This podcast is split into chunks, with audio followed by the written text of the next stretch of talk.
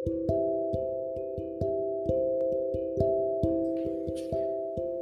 selamat pagi teman-teman semua. Wah, kita lanjut nih ya episode 3. Saya mau melanjutin mengenai mereview apa yang sudah kita mulai ya mengenai buku The Magic of Thinking Big.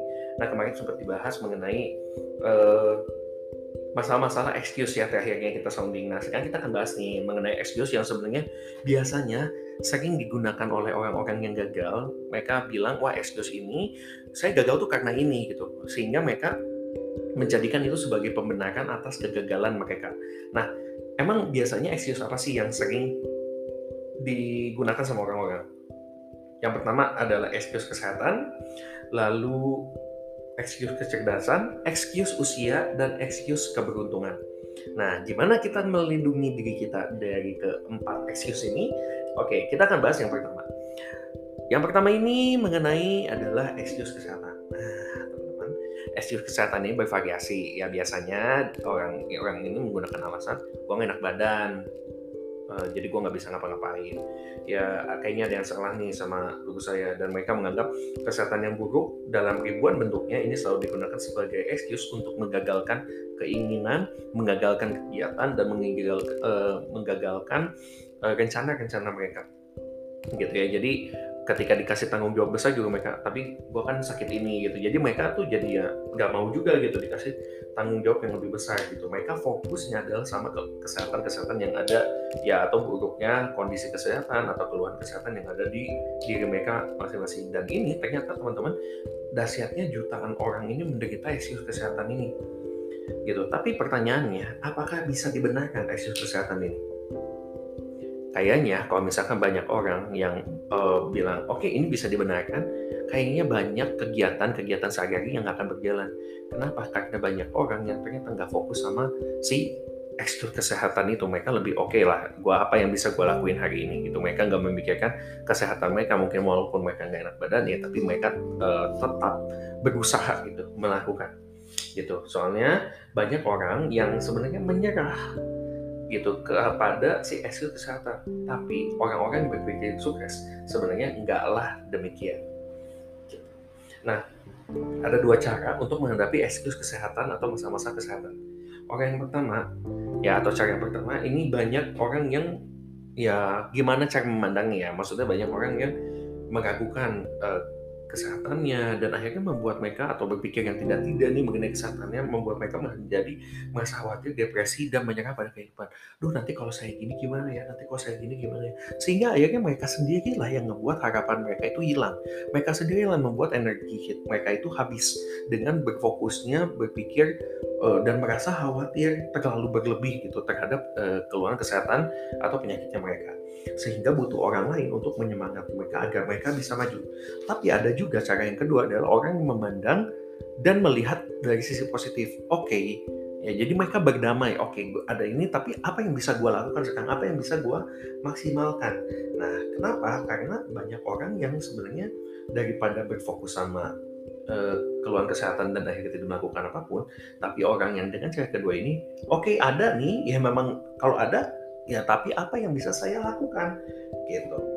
Oke teman-teman semua. Nah ada empat cara untuk melawan eksis kesehatan. Yang pertama jangan e, berbicara terlalu banyak tentang e, eksis kesehatan ya tentang kesehatan kita yang memburuk misalkan atau dengan penyakit. Dan akhirnya banyak orang yang fokusnya tuh menjadi berbeda. Oke mereka paham mereka punya e, kesehatan penyakit tertentu yang ada di tubuhnya masing-masing.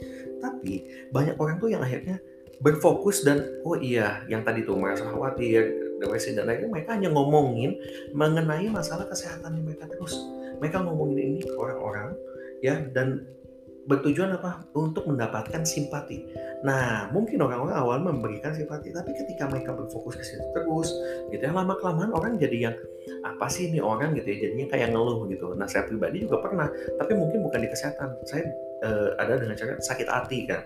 Karena mungkin putus cinta gitu ya akhirnya tapi saya masih sayang gitu ya. Tapi ya ini sakit gitu. Bukan berfokus gimana caranya saya move on gimana caranya saya oke okay, menjadi pribadi yang lebih baik mungkin karena ini uh, ya pak saya patah hati ada karena andilnya saya juga gitu. Nah gimana sayanya bukan memperbaiki diri tapi saya fokusnya sama ya tapi kan gue gini yang ngebuat orang-orang di sekitar saya bukannya simpati tapi malah mereka menjadi semakin menjauh kenapa karena mereka capek mendengar keluhan-keluhan saya terus. Gitu.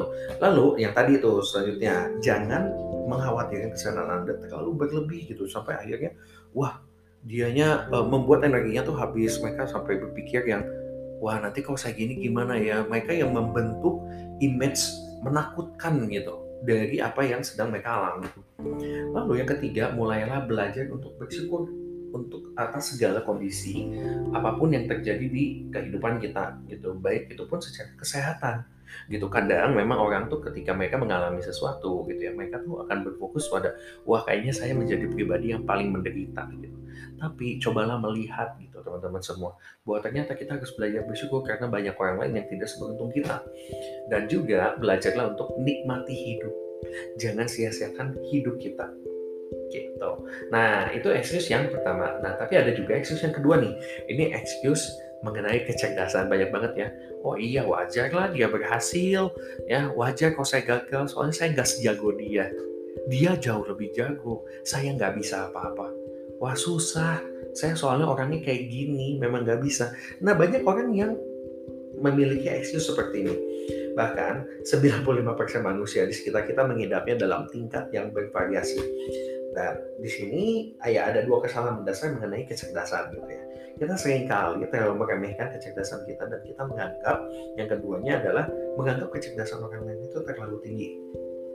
Banyak orang meremehkan diri mereka sendiri. Mereka gagal mengatasi situasi-situasi yang menantang karena mereka mengira pekerjaan itu memerlukan kecerdasan. Padahal banyak orang yang sebenarnya nggak, ah, gue memang nggak sepintar dia gitu, tapi dia mereka mempunyai sikap yang baik gitu, yang akhirnya mereka ya memperoleh dan bisa lebih produktif gitu teman-teman semua. Nah di sini sebenarnya ada statement yang menarik pola pikir yang membimbing kecerdasan Anda itu jauh lebih penting daripada besarnya kecerdasan yang Anda miliki. Kalau misalkan kita pintar sekalipun, tapi pola pikir kita salah, itu nggak akan benar, teman-teman. Jadi sebenarnya balik lagi ke tergantung pola pikir kita. Tadi itu Bapak kemenangan atau Bapak kekalahan, itu juga berpengaruh besar. Nah, di sini minat dan antusiasme adalah faktor penting dalam kecerdasan. Nah, dengan sikap positif, ini saya garis bawahi ya, dengan sikap positif, kooperatif, dan optimis.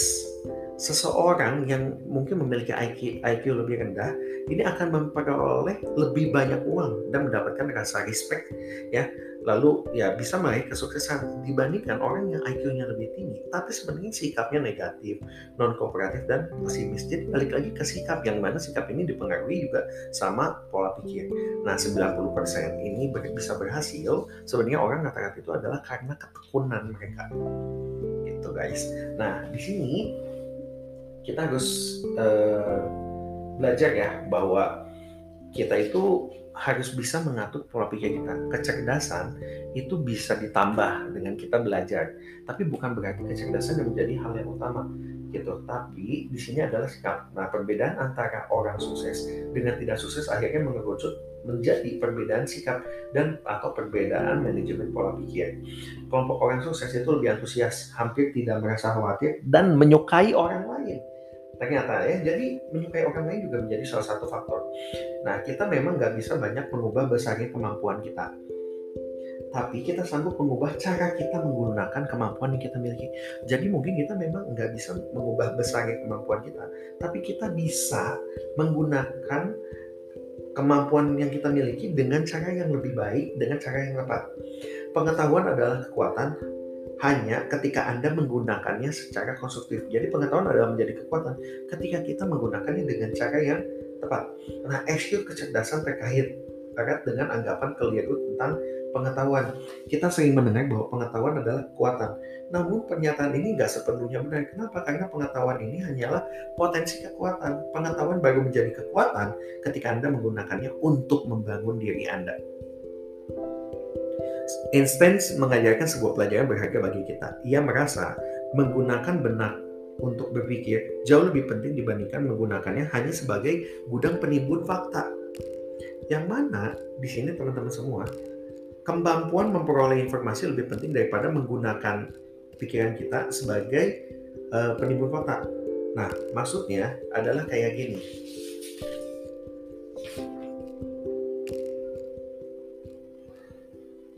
Banyak orang itu sebenarnya uh, hanya mereka oke, okay, oh ya gue tahu fakta-faktanya, gue tahu yang ilmunya, ya, tapi mereka tidak menggunakannya dengan cara yang tepat, gitu ya. Jadi banyak orang yang bisa memecahkan masalah.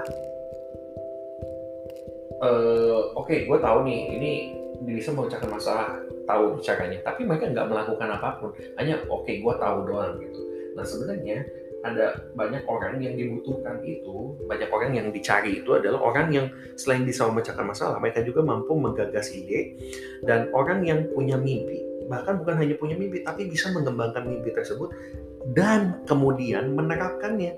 Jadi ketika mereka bisa tahu nih cara memecahkan masalah dan mereka punya ide, lalu mereka tahu juga bagaimana cara menerapkannya gitu. Jadi bukan hanya sekedar ada di pikiran kita, tapi bagaimana ini melanjutkan untuk jadi sikap. Nah, gimana kalau yang tadi uh, excuse cara menyembuhkan excuse kesehatan? Nah, ini ada tiga cara menyembuhkan excuse kecerdasan. Yang pertama, jangan pernah remehkan kecerdasan Anda dan jangan pernah anggap kecerdasan orang lain terlalu tinggi. Berkonsentrasilah pada aset Anda. Temukan talenta terpendam Anda. Ingat, Anda tidak perlu mencemaskan besarnya kecerdasan Anda. Yang penting, Anda menggunakan kecerdasan tersebut Alih-alih mengkhawatirkan hasil tes IQ, kelolalah kecerdasan Anda. Lalu yang kedua, setiap hari ingatkan diri Anda berapa kali, sikap saya lebih penting dari kecerdasan saya. Praktekkan sikap positif dalam pekerjaan dan rumah Anda. Ingatlah mengapa Anda mampu melakukannya, bukan alasan mengapa Anda nggak sanggup. Ya, jadi balik lagi nih, ya Bapak kemenangan atau Bapak kekalahan yang ingin Anda wujudkan. Ya, jadi tadi tuh, ingatkan diri Anda bahwa sikap lebih penting dibandingkan kecerdasan. Nah, di sini ya soalnya saya juga pernah mendengar pepatah yang namanya uh, your attitude determine your altitude gitu. Jadi kecerdasan kita yang uh, eh sorry uh, sikap kita lah yang menentukan kita ini uh, akan dilihat orang itu seperti apa, bukan berdasarkan kecerdasan tapi berdasarkan sikap.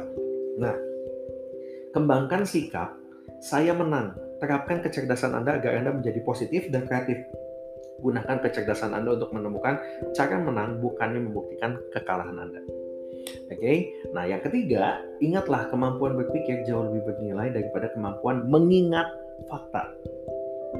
Kita tahu banyak informasi, tapi kalau kita nggak pernah melakukannya, nggak pernah siarnya, kita nggak mengembangkannya, yaitu hanya akan jadi ya pintarnya untuk diri sendiri gitu. Tapi bagaimana kita di sini bisa menambahkan nilai membuat orang lain juga ya sama-sama jadi pintar nah apakah saya menggunakan kemampuan mental saya untuk menorehkan sejarah?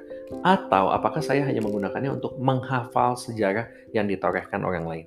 Jadi apakah kita pengen menghafal sejarah yang ditorehkan orang lain? Atau kita mau jadi ya pembuat sejarah tersebut? Gitu teman-teman. Ini luar biasa sekali. Nah untuk uh, dua excuse lagi kita akan bahas di esok hari itu aja rekan-rekan semua. Semangat menjalani hari ini ya. Dan teman-teman semua tetaplah berpikir positif positif. Dan jangan lupa untuk teman-teman juga menularkan pikiran-pikiran Anda ya. Pikiran positif ini kepada orang-orang yang ada di sekitar Anda. Jangan lupa tersenyum dan semangat untuk menjalani hari ini.